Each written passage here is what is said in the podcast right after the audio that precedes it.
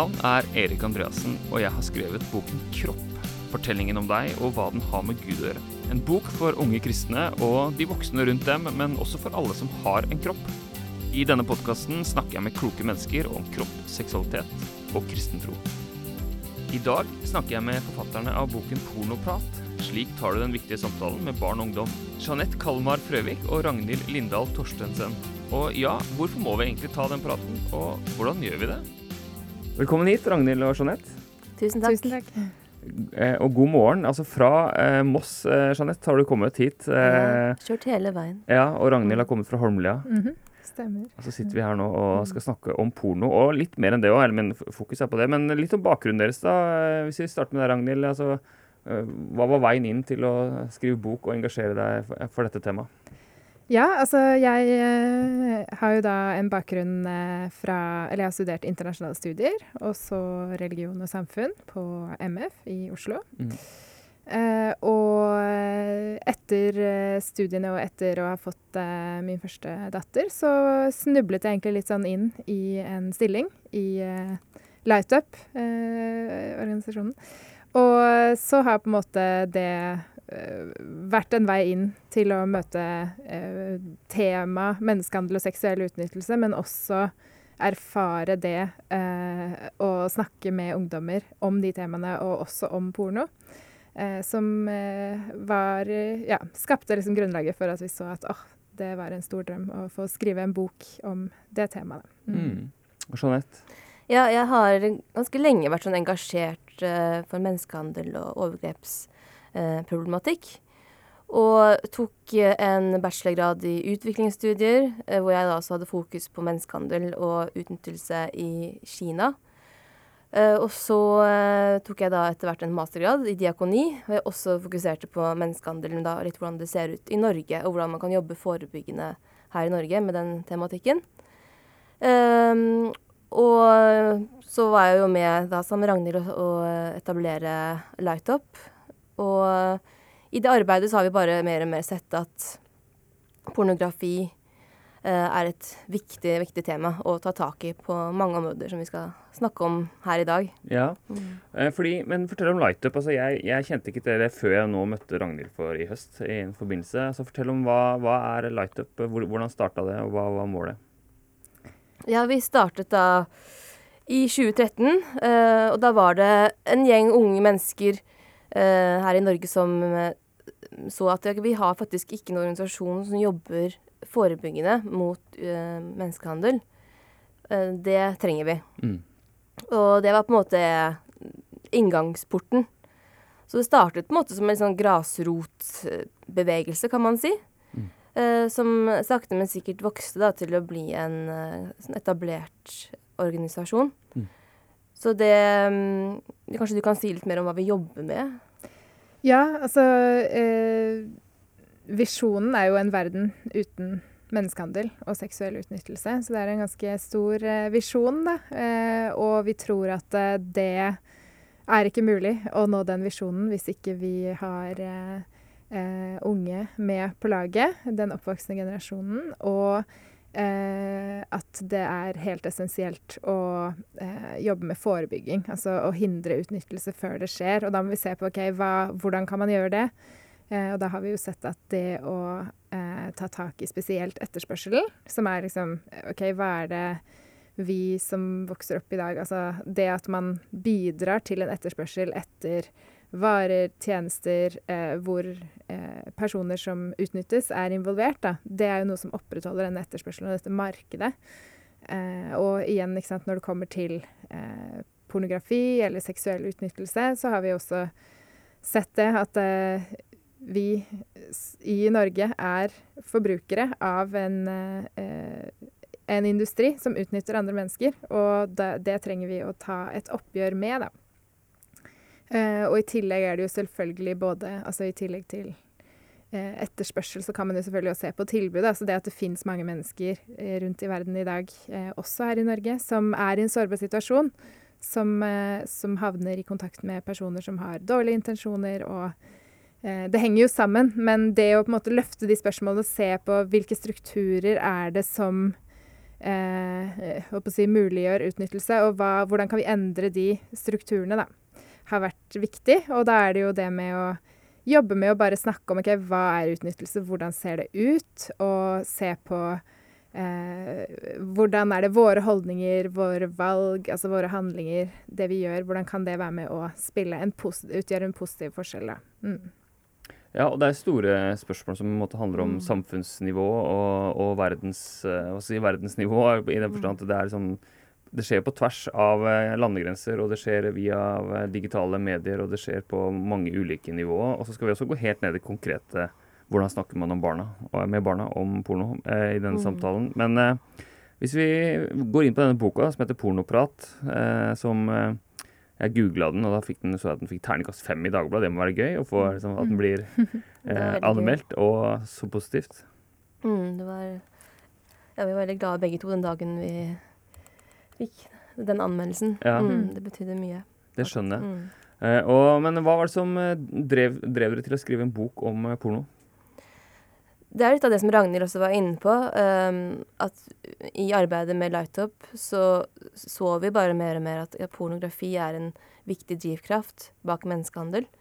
Um, det, ja, det gjør at etterspørselen um, etter seksuell utnyttelse øker. Uh, og så så vi også når vi var rundt og snakket med ungdom, at uh, det var noe som preget deres uh, hverdag i stor grad. Mm.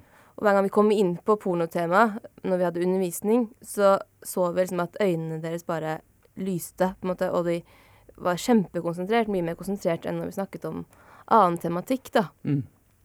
Så det var helt tydelig at dette her er et tema som, um, som de var opptatt av, og som de også trengte å snakke om, og som påvirket livene deres i stor grad. Mm. Um, så vi kan på For min del, da, så var det kanskje um, Eller engasjementet for pornotema begynte med at jeg så ok, det fører til mer seksuell utnyttelse. Men så har vi også sett mer og mer at det fører også til um, dårligere helse uh, blant uh, barn og unge. Det har på en måte så mange konsekvenser, da. Mm. Og vi har jo erfart også i eh, samtaler med unge, f.eks. har vi vært og besøkt eh, folkehøyskoler på Eh, sånne lørdagsseminarer hvor det har vært over 100 elever, og så har vi spurt ja, er det noen som har snakka om porno i løpet av skolegangen, eller snakka om det hjemme. Og da er det veldig eh, ofte at de færreste rekker opp hånda, eller eh, så godt som ingen, da. Eh, og samtidig Altså det har vært sånn, eh, ja, litt sånn eh, sterkt, eller hva man skal si, å oppleve, da. Samtidig med at vi har sett det store engasjementet for til og med altså blant eh, åttendeklassinger, de yngste på ungdomsskolen, for dette temaet. At bare OK, her er det eh, en hel generasjon som veldig gjerne ønsker at uh, man tar disse samtalene, men det skjer uh, stort sett ikke, da. Og lærere vet ikke helt hvordan de skal uh, adressere det. Og selvfølgelig finnes det gode unntak, både ja, blant foreldre og lærere, det er det viktig å få sagt. Men ja, det var i hvert fall det som har vært veldig stor motivasjon for å bare um, skrive en bok om hvordan ta denne praten. Og det betyr jo ikke at uh, man trenger å sitte med alle svar, eller uh, at den boken er Altså gir uh, hva skal man si, foreldre eller de som leser den, på en måte alt man trenger. Men det er noe med bare å sette i gang prosess, tankeprosesset, da. Og det tror vi virkelig at denne boken her kan hjelpe til med. Ja, det er min erfaring òg. Jeg, jeg, har lest litt i den, og det er jo eh, eh, Ja, jeg tenkte bare OK, det her må jeg snakke med mine barn om. Og, og jeg syns dere gir noen gode, konkrete eh, innspill til hvordan man kan gjøre det. Men hvis man du, Dere sa at det påvirker jo barn og unge eh, også. Og det er også min erfaring, at øynene lyser litt opp, og de bare våkner litt når du begynner å snakke om porno. Mm. For det er akkurat som at det er det angår dere og, dem, og det har de sett, kanskje veldig mange. Og ja, og bare si noe om det. altså hva er liksom situasjonen? Hva sier statistikkene om eh, forbruk av porno eh, i, blant barn og unge i Norge? Majoriteten av barn og unge eh, ser jo porno i løpet av eh, sitt liv. Eh, og majoriteten begynner også å se på porno før de er 13 år. Så um, har du tallene? Mm, ja, i Medietilsynet sin undersøkelse fra eh, 2020, som er den nyeste vi har, da, Barn og så var det om lag halvparten av alle unge mellom 13 og 18 som sa at de har sett porno eh, på nett. Og ja, en majoritet av disse hadde sett det før de fylte 13 år. Mm. Eh, og samtidig så har jeg lyst til å legge til at eh, når vi er rundt på skoler, og så ber vi elever Um, eller har sånn øvelse der hvor de skal, de uh, skal, reise seg, og så skal de sette seg ned uh, på, på en måte den prosentandelen de tror mm. uh, når, det til, ja, når er det de tror Eller hvor mange prosent er det de tror ser på porno? Så er det ofte at ungdommen setter seg på 70, 80, 90, 100 Det er liksom det som går igjen. Så jeg tror at det er jo en viktig undersøkelse, men, men vår erfaring og møter med unge er jo at uh, dette tallet er høyere enn ja. en 50 holdt på å si. Så, ja. Er det forskjell på gutter og jenter? Ja, der er det en kjempestor uh, forskjell. Uh, er, det er vel om lag om det er 72% eller noe sånt av guttene og 25% av jentene som sier at de har sett porno. Så der ser man Det skriver vi også en del om i boka, men hvordan pornoindustrien er veldig rettet mot gutter og menn, da. Sånn mm. at Ja. Det er et interessant tema. Eller, ja, eller sånn, eh, både filosofisk, men, eller teologisk, eller eventuelt eh, Hva sier det om hvordan vi mennesker er skapt? Eller ha, har det med hvordan industrien er, eller er industrien som den er fordi vi er sånn som vi er? Altså forskjell på gutter og jenter. Mm. Jeg vet ikke, Jeanette, om du har noen tanker om det? Uh, jeg tenker jo at denne industrien er opptatt av å tjene mest uh, mulig penger. Mm. Uh, så det er vanskelig å vite okay, hvor, liksom, hva er grunnlaget. Men jeg tenker sånn som det er eh, nå, da, så har vel industrien funnet ut at uh, markedet uh, er best uh, mm. i den, hos menn, da. Mm. Hos gutter og menn. Og at de da retter seg inn, inn mot, mot, det skjønnet. Um, og man ser jo det at det er jo nesten bare gutter som mottar reklame for, for pornografi. Mm. Um, men selvfølgelig, det sier jo kanskje litt om forskjellen på kvinner og menns seksualitet. Mm. Det gjør det helt sikkert. Og det har på en måte pornoindustrien funnet ut av, uh, og prøver å utnytte det, da. Og kaprer mange gutters seksualitet, sier jeg, tenker jeg faktisk, i, i ung alder, da. Så de mm. ikke får lov til å definere sin egen seksualitet. Ja, faktisk, det bare slo meg nå når, vi, når jeg tenkte på det, at det er jo Eh, eller vi, vi, kan noen ganger liksom ikke tørre å snakke om forskjell på gutter og jenter fordi det selvfølgelig fins forskjeller. Og det fins jo eh, eh, denne, Disse skalaene går helt over i hverandre, og det fins jenter som har høyt forbruk, gutter som aldri har sett på porno osv. Men, men jeg tenker vi må også ta på alvor at det er faktisk en forskjell. Og hvorfor er det, eller kan vi diskutere hvorfor er det forskjeller. Men jeg tenker vi må tørre å snakke om det også. Men hvordan påvirker det barn og unge å, å se på porno? Altså Hva gjør det med oss og med de? Det er jo ingen tvil om at eh, barn og unge påvirkes av den pornoen de ser. Og eh, hvis man ser på statistikkene, da, så er jo eh, alderen for pornodebut den er jo mye tidligere enn eh, eh alderen for seksuell debut. Så det betyr jo at pornoen får lov til å eh, vise barn og unge eh, hva sex er, hva seksualitet er, og få lov til å definere det i mange år før barn og unge selv gjør seg egne seksuelle erfaringer.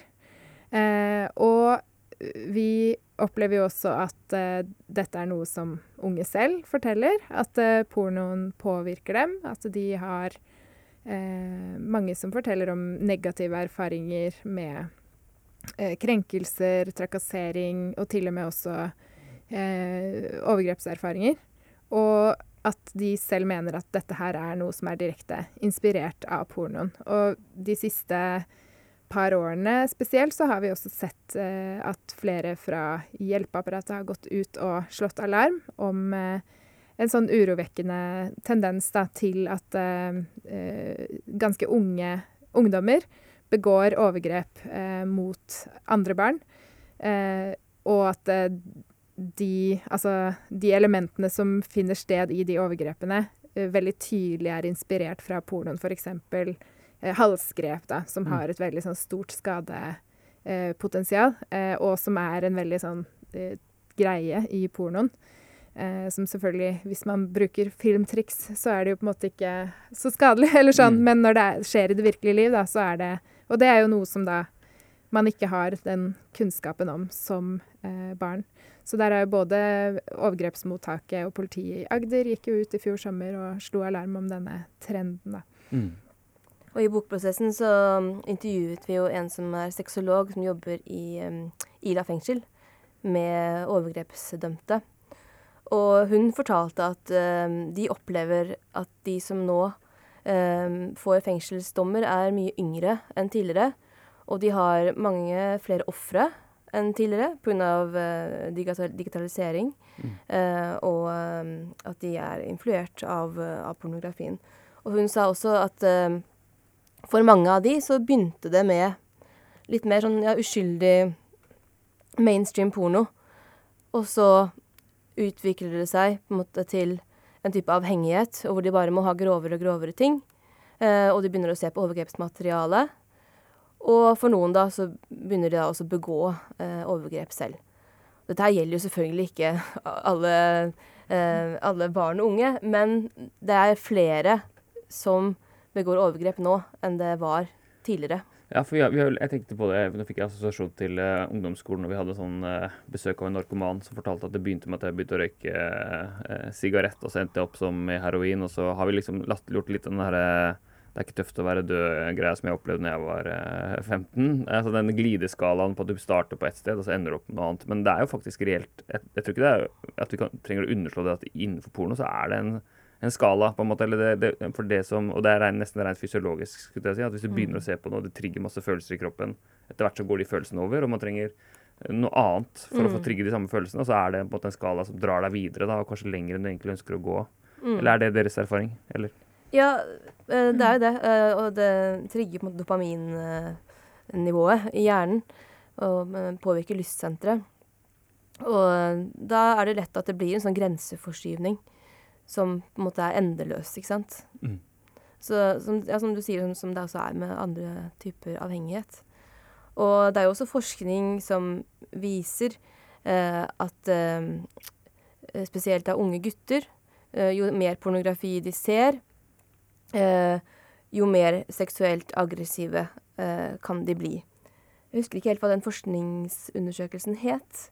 Uh, men det tok jo for seg et utvalg på over 4500 unge i Europa, da. Riktig. Som viste en tydelig tendens der. At det trigger på en måte seksuell eh, aggressiv atferd hos gutter. Uh, men selv om da vi har snakka om uh, noe om omfanget, det er stort, noe om konsekvensene, det er skadelig, for å ta det veldig kort her nå, så er det likevel, sier dere, kontroversielt i mange sammenhenger å snakke om. og det er jo et paradoks. Eh, når det er så, så stort problem. Eh, fortell hvorfor er det kontroversielt, og hvor er det kontroversielt? Vi tenker jo at eh, altså For det første så er det jo Man skal lete lenge og grundig etter noen politiker som eh, tør å si ordet porno. Mm. Det har jo vært eh, noen eh, ja, runder tidligere hvor, har, hvor, det har vært snakk om å innføre filter. men ja, generelt så ser det ut til at ikke man nødvendigvis eh, sanker noen popularitetspoeng ved å prøve å ta den debatten. Så da er det kanskje bedre å la være. Og det sier jo også noe om hvor kontroversielt det er. Altså det at ingen politikere, eller så godt som ingen, på en måte våger å begi seg for mye ut på det. Eh, fordi at det, eh, det, blir mye kontroverser rundt det, da. Og det kan jo handle om både eh, in, Altså denne her balansen med på en måte individets frihet, at uh, vi uh, tenker at man skal uh, At det er et spørsmål som på en måte handler om den enkeltes preferanser, da, og at det er forbeholdt den private sfære. At ikke det er noe som på en måte man, skal, man trenger å ta i det offentlige. så ja. Og så er det jo Tror jo vi, da, at mange voksne, kanskje når man kommer inn på det temaet, kan oppleve at man selv blir liksom konfrontert med OK, hvordan er det Vi vet jo at mange voksne også mm. konsumerer porno, mm. og har eh, glede av det, da. Eh, og da er det jo litt sånn vanskelig å skulle Altså hvordan skal voksne da komme med eh, noen rettesnor i møte med barn og unge, hvis man selv eh, har et, eh, en pornobruk mm. Eh, av en eller annen betydning? Uh, ja. Men uh, vi tenker jo at, eh, og mener jo at det virkelig ikke bør være så kontroversielt. fordi at vi har jo en del verdier som eh, majoriteten i samfunnet kan slutte seg om, da, uavhengig av uh, om man kjenner at man har en religiøs tilhørighet, eller hvordan på en måte uh, Ja, synet man har der. Uh, så tenker vi at eh, man er jo for eh, likeverd, altså mm. likeverdige relasjoner. Man er for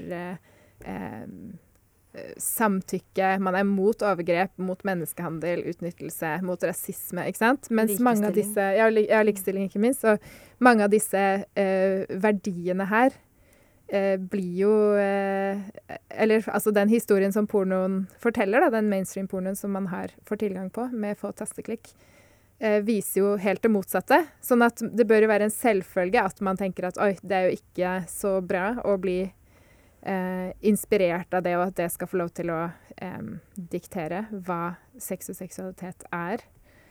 Nei, fordi jeg, jeg tenker jo eller, altså, Hvis en politiker spyrer, eller politiker hører på dette så Jeg, jeg, jeg vil jo tro at det fins mange som ser dette, altså som egentlig er engasjert i det. og Som, men er det, er det frykten for å, for å, framstå moralistisk, kanskje? Nå tenker jeg mm. spesielt på at de gangene det har vært noen som har snakket om det, så har det ofte vært KrF. Ikke sant? Så blir det sånn, ah, Det er de kristne, ikke sant? de er mot mm. sex og de er mot alt som er gøy. Eller så blir det sånn, man, man kommer inn i et slags narrativ. da, mens, mens man ikke, Hvis man ikke snakker liksom uh, Eller det må kunne gå an å snakke om det på et, et allment mm. nivå, som jeg tror veldig mange vil se, se, se, hva som er problemet her. Altså, når du nevnte Agder eh, politidistrikt i fjor gikk ut, så tenkte jeg liksom Hvem er det som kan si liksom at uh, Eller snakke helt sånn bevisstløst eller uh, Eh, bare snakke om pornoens positive sider. Altså jeg mener det er mange sexologer leser, og hvis du går på ung.no har ikke jeg akkurat googla porno der, så syns jeg noen ganger det er eh, litt sånn uh, ureflektert heiarop. Mm.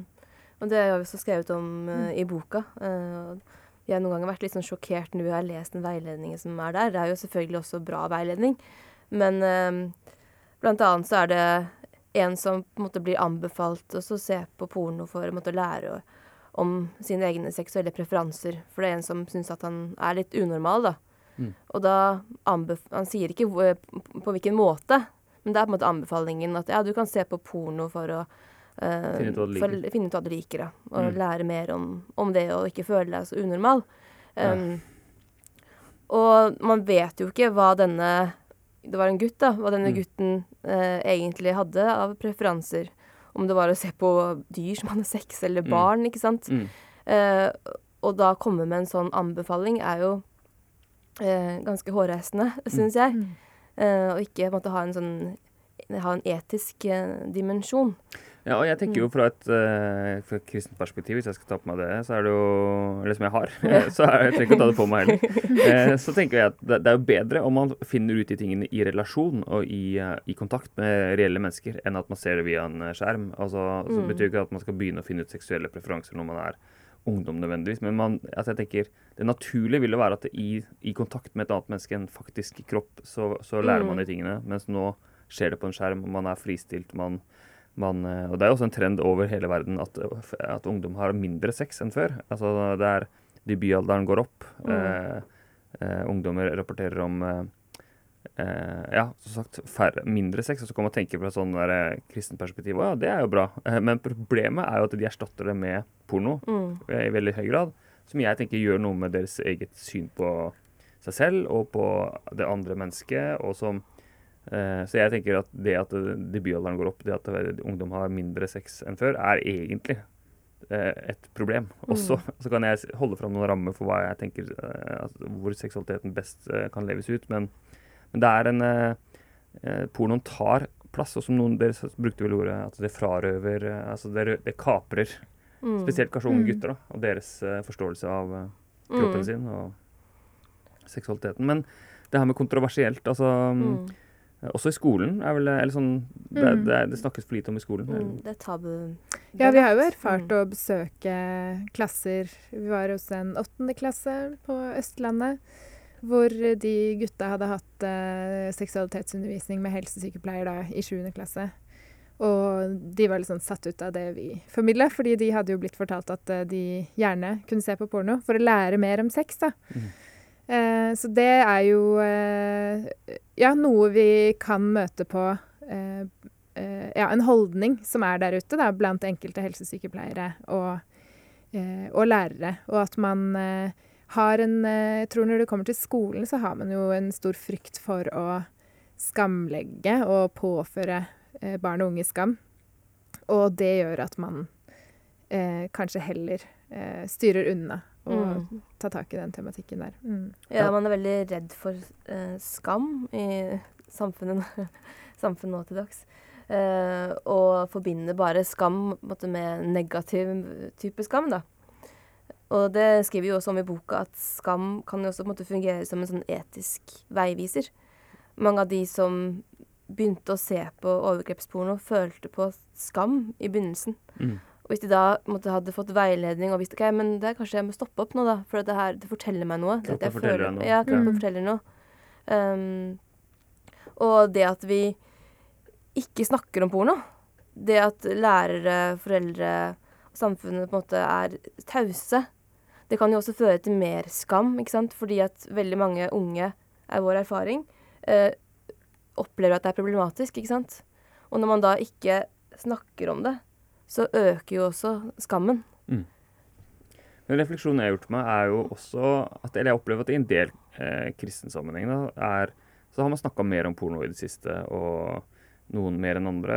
Um, men hvordan kan vi snakke om det på en måte som gjør at altså, Eller jeg mener skam er jo en god, viktig følelse, grunnfølelse i, i vår natur. på en måte, eller i, i, oss. Og samtidig så er det dumt hvis man snakker om porno på en måte som gjør at ingen tør å innrømme at de ser på det. Mm. Altså Hvis det er liksom sånn ja, det er synd, det er farlig, det er, alt er like ille, så tenker jeg da da kommer man kanskje ikke i den praten. Mm. da. Og jeg mener Det fins ulike nivåer, det fins ulike former for porno. Jeg, mener, jeg vil ikke anbefale det for noen, men men det er noe med å snakke nyansert om det også. Ja. eller jeg vet ikke, Hvordan skal vi gjøre det? Altså Komme i dialog med, med de ungdommene? altså. Ja, altså vi er jo opptatt av å, eh, når vi er rundt og har opplegg i møte med unge, at vi eh, aldri spør noen hvordan Altså vi gjør dem oppmerksom på det, og vi kommer ikke til å spørre dere som sitter her, om dere ser på porno. Vi vet at eh, mange kanskje gjør det eller har mm. gjort det, og at mange kanskje ikke Altså at man mm. prøver å normalisere begge deler. Eh, og at vi ikke uh, kommer til å rette noen pekefinger. Men det vi ønsker, det er at unge som vokser opp i dag, kan kjenne til de kritiske sidene da, ved pornoindustrien, kritiske, altså potensielle negative konsekvenser av pornobruk, og hvordan porno uten tvil, altså uavhengig av om eh, man utvikler på en måte eh, Eller erfarer enda verre konsekvenser enn som så, så påvirker det eh, samfunnets på en måte oppfatning om seksualitet. da. Mm. Eh, og det er noe som, eh, eh, som man må snakke om. Og, så vi opplever at det å ta tak i temaet, eller komme på en måte inn med å tematisere på en måte hva gjør det med samfunnet, og ha en litt mer sånn litt mer sånn eh, fugleperspektiv, hvis mm. man kan kalle det det, da, på temaet, er en uh, veldig sånn trygg måte å ta tak i det i møte med unge. Mm. Eh, sånn at eh, de kan på en måte kjenne at de kan sitte der med skuldrene nede, da, og ikke ja. være redd for på en måte mm. eh, at de selv skal liksom eller snakke om enten egne erfaringer eller ja. De står til ansvaret. Mm. En måte å stille spørsmål på er kanskje ikke hva, tenk, hva mener du, men, men, hva mener ungdom om dette, eller hvorfor tror mm. du ungdom er For da kan de liksom yeah. Trenger de ikke å utgi seg sjøl, på en måte. Mm. mm. Eller hvorfor også, tror du ungdom ser på porno? Ja. Jeg tenker også det er viktig å på en måte, plassere skylden mm. der den hører hjemme, og ikke på en måte gi, eh, skape en følelse av at åh, jeg, på en måte, er, det er min skyld at jeg så porno. Ja. Så det det tenker jeg også. Jeg har en eh, åtte år gammel sønn som jeg, jeg har begynt å snakke med. Men jeg, jeg nevner ikke ordet porno ennå, for han har ikke sett på det. Men eh, jeg har fortalt som om at det fins bilder og videoer på internett med voksne eh, som eh, er nakne, og som gjør ting med kroppene til hverandre. Um, og da, i, i, de, i de samtalene, så har jeg også sagt at liksom, voksne har latt være å beskytte barna mot å se dette her, og på en måte mm. eh, gir ansvaret til voksne, da. Mm. Og det tenker jeg er viktig i alle aldersgrupper, på en måte. Det er ikke de som har invitert pornoindustrien inn i sine liv. Nei, Eh, så det tenker jeg er viktig å begynne med tidlig, da, at, liksom, at man plasserer ansvaret riktig sted. Ja, og Vi skal Mm. snakke litt mer etterpå om, om åtteåringen. For det, men det bare slo meg nå når vi mm, Jeg leste en bok som i, i januar om, som heter 'Stolen Focus', som handler om vår, eh, en sånn slags pandemi av manglende oppmerksomhet i vår tid, hvor det er vanskelig for folk og barn å holde oppmerksomhet.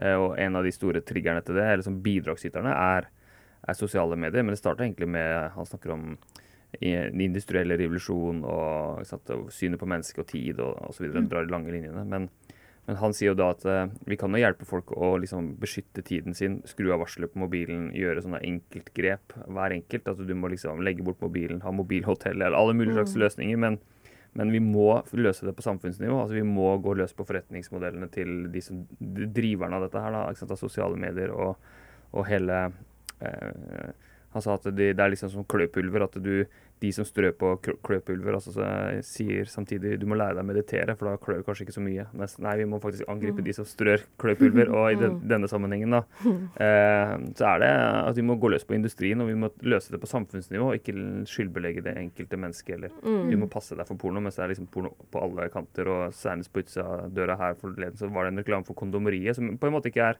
Den var jo uskyldig på et vis, men jeg tenkte liksom Ja, det er en sånn Det er overalt. En Mm. slags subtil eh, kommunikasjon og en seksualisering. I spill også. Det er på en måte Ja, det er eh, Ja. For det er en sånn pornokultur, er det ikke det? Mm. Er noen som Mm. snakker om det? Hva, hva Mm. betyr det? Eller hva, hvordan, ser, hvordan ser man det? Altså, hvordan smitter pornoen over i liksom samfunnet generelt? Går det an å si noe om det? Ja. um, man kan jo se på en måte at uh, vel musikktekster ehm, er eh, pornografisert, hvis man kan bruke det, det uttrykket, da. Mm. For eksempel eh, russelåter, som det har vært en del snakk om. eh, som eh, eh, Hvor man synger at man ja, vil voldta noen, eller Hvor det er ganske grove, grove tekster, da. Mm. Og dette tenker jeg også vi er influert av, av pornoen og det menneskesynet som kommer, kommer til syne der. Mm.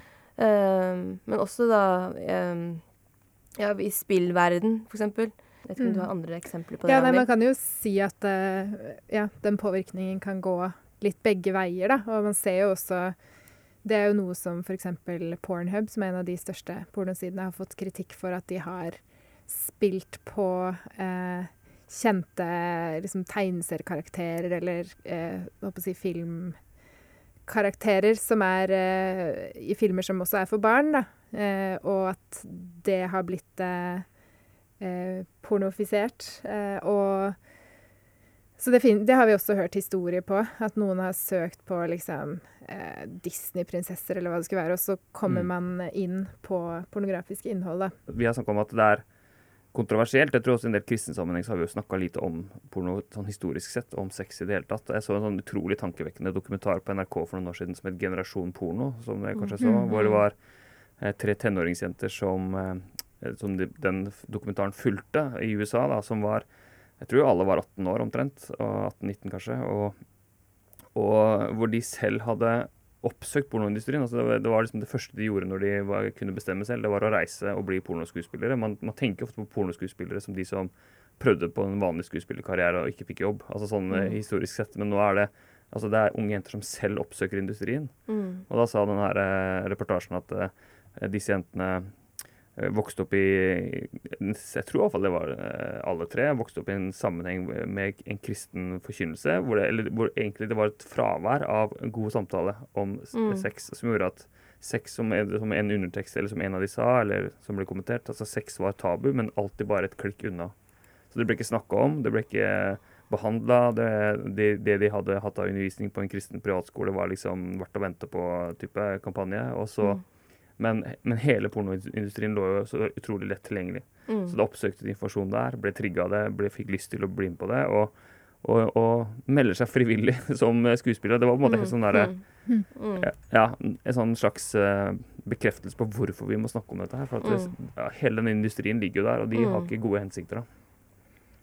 Så, Ja, og hvis man snakker om bare industrien i seg selv, så er det jo For det kan jo vi møte på at ja, men det er jo ikke alt som er menneskehandel, og, og det er jo ikke alt som er utnyttelse. Men man kan jo liksom spørre seg på en måte i hvilken grad kan en 18-19-åring helt forstå hva man begir seg ut på, da. Og man mm. så jo etter hvert at uh, en av disse jentene uh, slet med liksom helseutfordringer, da, uh, som resultat av liksom den Alt det som hun på en måte var en del av i disse filmene. At det var en veldig sånn intens periode med den innspillingen. og at hun også var liksom usikker på om Jeg vet ikke om det var noe kjønnssykdom eller hva som var inne i bildet som kunne påvirke eh, hennes fertilitet. Da. Men hun bare Ja, men jeg vet ikke om jeg vil ha barn uansett. Eller, men at liksom Bare den, den helsemessige konsekvensen det har for de som er mm. med, og også det som vi har hørt mange historier på, da, at eh, hvis man da på et tidspunkt kjenner at man ønsker seg ut av dette, så har man ingen eierskap eller kontroll i det hele tatt over det som har blitt produsert. Da. Det ligger ute der eh, mm. for evig tid. Og mm. har man blitt utsatt for noe eh, som har blitt opplevd traum eh, traumatisk, da, om det har vært eh, krenkelser eller overgrep, eller at man på en måte strikken ble strukket for langt, så eh, kan jo det være at man sliter med et traume av det, og da kan det være retraumatiserende. At det, det at det alltid eksisterer der ute til til evig tid. For det er jo helt klart at det er jo noen som på en måte sant, reiser og, og signer seg opp. Eh, men eh, ja, likevel er det på en måte mye for en 18-åring å skulle på en måte forstå konsekvensene av da, for sitt eget liv og for, uh, for mm. fremtiden. Mm. mm. Jeg vil tilbake til litt det konkrete. Du nevnte åtteåringen din her. Det å snakke med barn. Altså Hvis vi nå snakker litt først om hvordan skal vi snakke med barna våre, og hvordan skal vi mm. snakke med tenåringene våre, de, som har, de av oss som er foreldre, eller som eh, jobber som ungdomsledere i barnet i et eller annet sammenheng, kanskje. Men mm. Eh, ja, hvordan tar man pornoprat med barna? Du sa man bruker ikke ordet porno. Nei, eh, hvis barnet ditt har sett porno og er klar over begrepet, så kan du bruke det. Men eh, min åtteåring og veldig mange andre åtteåringer har jo heldigvis ennå ikke eh, sett porno, og kjenner heller ikke til begrepet. Og da tenker vi at eh, man ikke trenger å introdusere de for det begrepet, så de kan begynne å, å søke det opp, eh, opp selv, da. Mm. Så da når jeg snakker med han, så snakker jeg mer generelt om okay, hva er det som man faktisk kan finne på internett, og hva uh, Uten at jeg går på en måte selvfølgelig ikke inn i detaljer og snakker om sexindustrien, og man må jo på en måte legge det uh, på deres nivå. Men uh, forteller at, at, det er voksne og, som da gjør seksuelle ting med kroppene til hverandre, og også sagt at uh, mange av de uh, som er med, ønsker egentlig ikke å være med på det, men det er noen som tvinger de til å være med, og det, måte, det skjønner han også. Hva, hva, hva, betyr det? Det er ikke bra å tvinge andre til å mm. gjøre noe de ikke vil, for det har du jo på skolen, og at man med stoppregelen og sånn. Uh, så han på en måte er klar over måte, at det er, ikke, det er, ikke, en bra ting, da. Mm. Um, samtidig som jeg også snakker om at um, det er helt naturlig å utforske kroppen sin. Eh, det er en fin og positiv ting. Eh, så eh, man må på en måte passe på så ikke seksualiteten blir en, en negativ, en negativ greie. Mm. Og det er det som er så vanskelig med den generasjonen, tenker jeg ofte på, som vokser opp nå, da. og på en måte få til den Balansen, eller ja, balansen. på ja synet på at seksualitet er godt og noe bra. Ja, for det er jo egentlig en veldig fin ting, men mm. så har de på en måte de sterke inntrykkene og den pornoindustrien som på en måte prøver å komme inn og, mm. uh, og påvirke deres seksualitet. Mm. Og en seksualitet som egentlig på en måte er bare er fin. Så å få til den der balansen uh, er utfordrende, men jeg tenker jo og håper at det også er mulig, da. Mm. Og at man også på en måte har uh, et, ja, et åpent forhold til kropp og seksualitet hjemme. Mm. Ja, for det, det, skriver vi også en del om i boka, om det her eh, kroppsfor, ulike kroppsfortellingene og bevisstheten om at vi foreldre kommuniserer noe uansett. Altså også når vi ikke sier noe, eh, så mm. kommuniserer vi.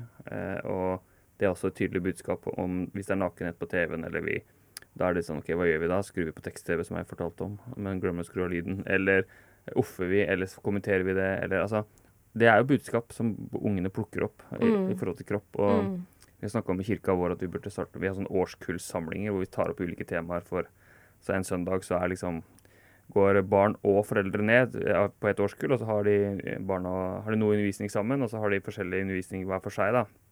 Og det kan handle om kristne praksiser osv. Men vi har snakka om at vi en av de årskullsamlingene burde handle om kropp. da, Kanskje når det er seks år eller sju år. Mm. Snakke om bare kroppen og hvorfor har vi den egentlig, den er god. altså. Mm. Eh, så det er jo en Jeg tenker at Kjent med kroppen sin. ja, man sier jo Mm. noe når man ikke sier noe, og man bør si noe positivt. Men hvis Mm. man går, går litt hakk opp, eh, Ragnhild, altså hvis Mm. snakker om de som kanskje da har begynt, kanskje blir eksponert for porno, sånn 10-11-12 år. Mm. Eh, hvordan snakker man med de?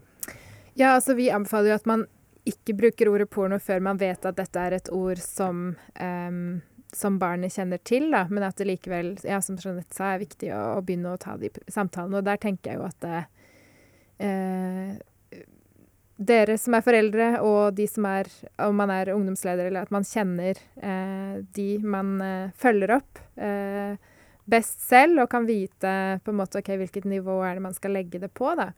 Eh, men vi er ennå til gode å møte noen 13-åringer for eksempel, som ikke kjenner ordet porno. Eh, så da, fra den alderen, så er det helt trygt, mener vi, da, å snakke eh, Å bruke ordet porno og Mm. snakke om det. Og da er det jo Altså for de eh, som er litt sånn in between, eh, da er tenker vi jo det er en ganske sånn kritisk fase fra 10-11-12 års alder, når man vet at eh, en majoritet av de som sier de har sett porno, eh, nesten 60 da, eh, sier at de så det første gang før de fylte 13 år. Da er det jo kjempeviktig å komme på banen. Jo, da har man jo en helt unik mulighet til å eh, eh, på en måte hjelpe barna litt sånn på vei med ok, hvordan skal jeg forholde meg til noe jeg eventuelt eksponeres for, da. Eh, og vi har en sånn eh, beskrivelse i boka, eller der vi eh, trekker en Eller har sånn samtaleråd, da, så man kan tenke på internett som en stor skog, på en måte. Eller sånn, det kan jo være veldig gøy å være, i skog, være i en skog, og mye spennende og morsomt man kan finne på.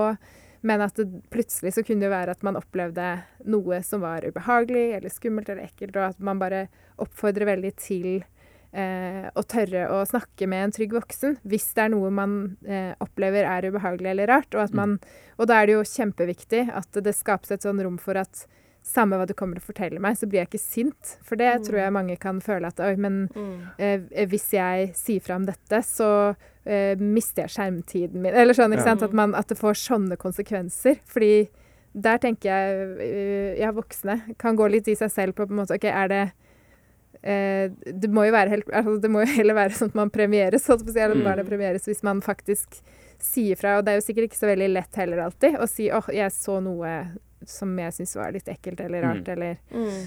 Um, og selvfølgelig parallelt med dette uh, Jeanette eh, snakker om, da, med kroppslig integritet, at, man, at det er viktig å på en måte holde den opp Altså det med uh, egne grenser, andres grenser, at man kan snakke både positivt liksom om kropp og, og Mm. det at man har en seksualitet. Altså at det er tema som kan være der, men ja. Parallelt da dette med det man kan møte på. Mm. Og da vil det jo være i møte med da ungdommer at man kan eh, Som vi var vel litt eh, inne på det, da, men at det kan være fint å finne eh, Ha en innfallsvinkel som kanskje i hvert fall hvis det er en ungdom som kan kjenne at det er kleint å snakke om de temaene. Eh, at man kan finne en litt sånn nøytral eh, måte å tilnærme seg temaet på. og Snakke om å lese en avisartikkel om dette her, og Mm. hva tenker du om dette, og har du inntrykk av at det er vanlig å se på porno? Ikke sant? At Mm. man kan komme inn på det fra ulike vinkler, og passe på at man kan få belyst både på en måte hvordan porno kan påvirke eh, synet man har på seksualitet, og på respekt for seg selv og andre, og ikke sant? dette med objektivisering av, av eh, kropp og av ja, seksualitet som skjer gjennom pornoen, men også eh, ja, litt mer de store linjene med sånn utnyttelse og ja, Mm. den Mm. industrien, da. Og hva mm. Mm. Vet ikke om du har noe å tilføye? Nei, jeg tenker at eh, det var fint det du sa, altså. Og at uh, det der med å bygge en sånn dyp respekt, en sånn grunnleggende respekt for mennesket, at det liksom kan starte altså fra, fra barna er helt små, Mm. og fortsette. Og at det vil også gjøre at de på en måte står mer støtt i møte med pornoen. Mm. Uh, det at de på en måte har uh, opparbeidet seg en dyp respekt for eh, seg selv, sin egen kropp og andres, eh, andres kropp. Mm. Nei, for jeg tror jo eh, Dere skriver om en, altså seks voksenmyter om porno, som jeg tenkte bare liste opp. Um, som dere skriver, eh, som dere da mener er myter, da, selvfølgelig. Um, Og, og det, de seks voksenmytene om porno er uh, mitt barn ser ikke på porno. Porno har aldri skadet meg, derfor vil ikke barnet mitt ha skada det heller. Det er positivt for barn å lære om sex og utforske sin seksualitet gjennom porno.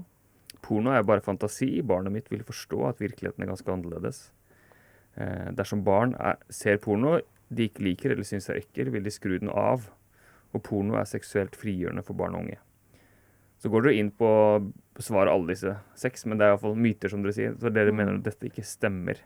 Og det at mitt barn ikke ser porno, jeg tror nok det er litt sånn som dere sier, at det eh, Mange gjør det, eller har sett det, eller hørt om det i hvert fall. Og, og senest på skolen, altså min sønns skole, som er elleve år, så hadde de jo i en eh, time her hvor de hadde tid til overs, så var det en lærer som eh, hadde satt på 'Kongen av Gulset' eh, som underholdning, som egentlig er tolvårsgrense, hvor han snakker om porno og hvordan han ikke var tøff nok til å se porno aleine da han var 13, og, Mm. og hvor en av karakterene da, eller som i denne filmen har et sånt sitat hvor han sier på en fest da, han, Gutten i tiende snakker om gutt, jenten i åttende. Han sier det er det som er trikset. Du tar en av de halvstygge, sier de er dritpene, så gjør du bare hva faen du vil.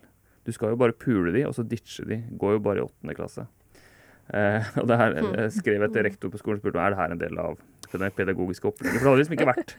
Det ble liksom ikke problematisert. Det ble bare vist som underholdning. Så de hadde sett på tre episoder hvor det da handla masse om porno og andre ting. Jeg tenker ikke de er elleve år, og det er liksom og da er det for seint å tenke at jeg skal snakke med sønnen min om det her når jeg han er 14. altså. Mm. For de blir eksponert for det. da. Mm. Ja, på skolen også, på den måten. Ja, på den måten. Jeg, ble, jeg, altså, jeg, jeg Mm. prøvde å skrive sånn relativt jeg skrev faktisk ikke så veldig diplomatisk akkurat den mailen. Jeg skrev ganske sånn uh, Ja. ja, Mm. tydelig. Mm. Men det er sånn, jeg tenker det var en bevisstløshet. Men dette her var Mm. visst en, eh, en serie som var en, en ung lærers eh, favorittserie, så jeg tenkte Mm. at det er sikkert gøy for Mm. mor- moro for Mm. unga, som man sier. Men igjen, dette, dette samfunnsproblemet. Dere har snakka litt om det her med hva kan vi gjøre på samfunnsnivå. Altså, har du troa på et sånt pornofilter som du har snakket om? Altså, at man nesten må aktivt må samtykke for å få porno? Eller hvordan vil dere løse det på sam Hvis dere kunne liksom trylle, vært statsminister for en dag, som Mm. Trygve Skau skrev bok om, altså, hva, hva ville dere gjort med problemet? Den franske modellen. Den franske modellen? OK, hva er det? Nei, der har du jo en uh, nasjonal filtløsning som eh, gjør at uh, man må bruke bank-ID eh, for på en måte, å verifisere seg selv eh, og sin egen alder. eh, for å komme inn på Mm. pornonettsteder. Stemmer ikke det, Ragnhild? Ja, jeg mener også at de er i en prosess med at de eh, vil Eller at de har truet med å stenge tilgangen til pornosider som ikke kan verifisere alder. Mm. Og, ja, og at eh, det er samtykkende personer som, som er med. da. For det er jo det som er Det har vi jo ikke vært så mye inne på, men en stor utfordring med hvordan Altså pornoindustriens karakter i vår tid. Det er lett å tenke sånn OK, det er en industri sånn akkurat som man har Hollywood, altså den der vanlige filmindustrien, så har man liksom ved siden av det, så er det liksom Der, der er pornoindustrien. Men pornoindustrien i dag er jo eh, som eh, eh, sosiale medier omtrent, bare med porno. Det skal veldig lite til for å laste opp eller være en, eh, en bruker, holdt på å si, og opprette en bruker. Du trenger ikke noe ID eller sånt for å gjøre det. Eksempel på Pornhub så har det vært sånn at du bare må eh, laste opp et bilde av deg selv og ha et brukernavn, og så må du holde opp en lapp på det bildet med det brukernavnet. Da. Og da er du på en måte eh, i gang og kan selv laste opp egenprodusert innhold, eller potensielt da videoer du selv har lastet ned fra en annen plattform, kan du laste opp der. Og det er eh, veldig lite begrensninger eh, som gjør at eh, eh, pornoindustrien kommer veldig nær, da. Og da kan jo til og med eh, norske barn og ungdom erfare at eh, noen eh, videoer mot deres vilje blir lasta opp på til og med disse store sidene, og det har, Det har jo skjedd. også skjedd. Mm. Ja. Mm. Ja, så Mm. det å gå løs på industrien og det å gjøre tilgangen eh, vanskeligere Det er jo litt sånn eh, jeg, jeg tenker jo at vi har, er med på et slags sosialt eksperiment. Egentlig hele i og for seg digitalisering av Mm. sosiale medier, også pornoindustrien. Mm. Jeg tenker at vi jeg sammenligna det i en artikkel, eh, liksom røykeloven, at vi nå tenk, tenk at vi dreiv og røyka overalt eh, og Mm. utsatte folk for passiv røykning. Altså det, nå virker det så fjernt. Jeg, Mm. jeg, jeg lurer på om vi om en del år vil tenke på Tenk at vi bare hadde at det bare fløt fritt, på en måte Mm. med Ja. porno. Mm. Eh, At det var så puslete forsøk på å Mm. begrense det. Mm. Ja, og det er jo veldig Mm. fascinerende, fordi man har jo en del reguleringer på aldersgrensen når det kommer til veldig mye annet, da. Men Mm. når det kommer til alt som er på nett, så er det på en måte Mm. fri flyt. Så der håper vi og tror vi det kan skje en endring, og, og vi tenker jo at det hadde vært helt supert med sånn nasjonalt eh, filter med Eller at man hadde at det var krav om bank-ID. At Mm. i det minste er det sånn at man må være 18 for å få tilgang Mm. til eh, disse store pornosidene. Eh, men som en start så hadde vi jo veldig ønsket å se at skolen kom på banen og bare Dette her er Altså det som formidles i pornoen, det strider imot eh, skolens eh, verdigrunnlag og til og med opplæringsloven. Altså det er helt eh, stikk i strid da, med hva man ønsker å utruste barn og unge til i dag som samfunnsborgere. Og da burde det være en selvfølge at ikke man kan eh, surfe på porno på Mm. skolens nettverk og eh, Mm. PC-er, nettbrett osv. Mm. Ja, For det er jo en del som eh, svarer det at det første gang de så porno, var på skolen. Ganske eller mange, i egentlig. Ja. Mm. Jeg husker selv, jeg skal ta en siste digresjon før vi avslutter her. For jeg var skoleassistent eh, en periode mens jeg jobba i en kirke ved siden av. Og da, så da plutselig var det en, en gutt på tolv, her var i, internetts barndom, som eh, dro opp en eh, pornoside som han hadde i biblioteket på skolen, som han hadde laga selv. da. Hvor han hadde laga sine, favoritt, eh, sine favorittbilder. Ikke? Eh, og og hvor, hvor de, de andre elevene sto og kikka rundt. Så det er litt sånn Det skjer jo. Og det at, Mm. at det at det kan skje, er jo et sånt paradoks fortsatt, så mange Mm. år etter. Så, så tenker jeg skolene kan invitere dere til å komme på besøk og holde foredrag. Det syns jeg Absolutt. de skal gjøre. Mm. Ja, altså Selv om skolen ikke setter på filter, så kan vi gjøre noe i våre egne hjem. Hva tenker dere om det? Burde vi lage Hvordan gjør vi det? Ja, øh, absolutt. Og det skriver vi også om i boka. Anbefaler alle å installere filter der det er mulig på hjemmebane. Og ja, eh, det, det kan noen ganger eh, omgås, og spesielt når eh, barna begynner å bli store, så kanskje finner de måter man kan omgå filter på. Men igjen så er samtalen viktig, tenker vi. For at da kan man faktisk snakke sammen om okay, men hvorfor har vi filterløsninger eh, her hjemme. Mm. Eh, og ikke sant, få en fin sånn pornoprat eh, omkring det, da. At det kan på en måte faktisk være med å legge et sånt grunnlag for en god samtale. Mm. Mm. Ja, og det samme gjelder jo i skolen. ikke sant? Mm. At man kan eh, gjennom å på en måte si ja, men her på denne skolen så har vi faktisk et filter, og det er fordi at vi mener at det hører ikke hjemme her. Og så at man kan forklare det, at det kan være en samtalestarter. En sånn Mm. normgivende effekt, på en måte. Mm. Mm. Takk for det dere gjør eh, for, eh, i Lightup og gjennom denne boka, Pornoprat. Og takk for at dere ville komme hit og snakke med meg. Takk for at dere du fikk komme. Veldig hyggelig. Mm. Ja. Mm. Så får dere lykke til med det viktige arbeidet. Tusen takk. Tusen takk. Takk for at du lyttet til podkasten Kropp, og følg gjerne prosjektet på Instagram og Facebook skråstrek bokenkropp. Og samtaleopplegg til podkasten finner du på bokenkropp.no. Del gjerne podkasten med venner og kjente, og abonner på den der du hører. Produsent er Silvio Carvalho. Prosjektet er støtta av KOSTUD. Ha en god dag.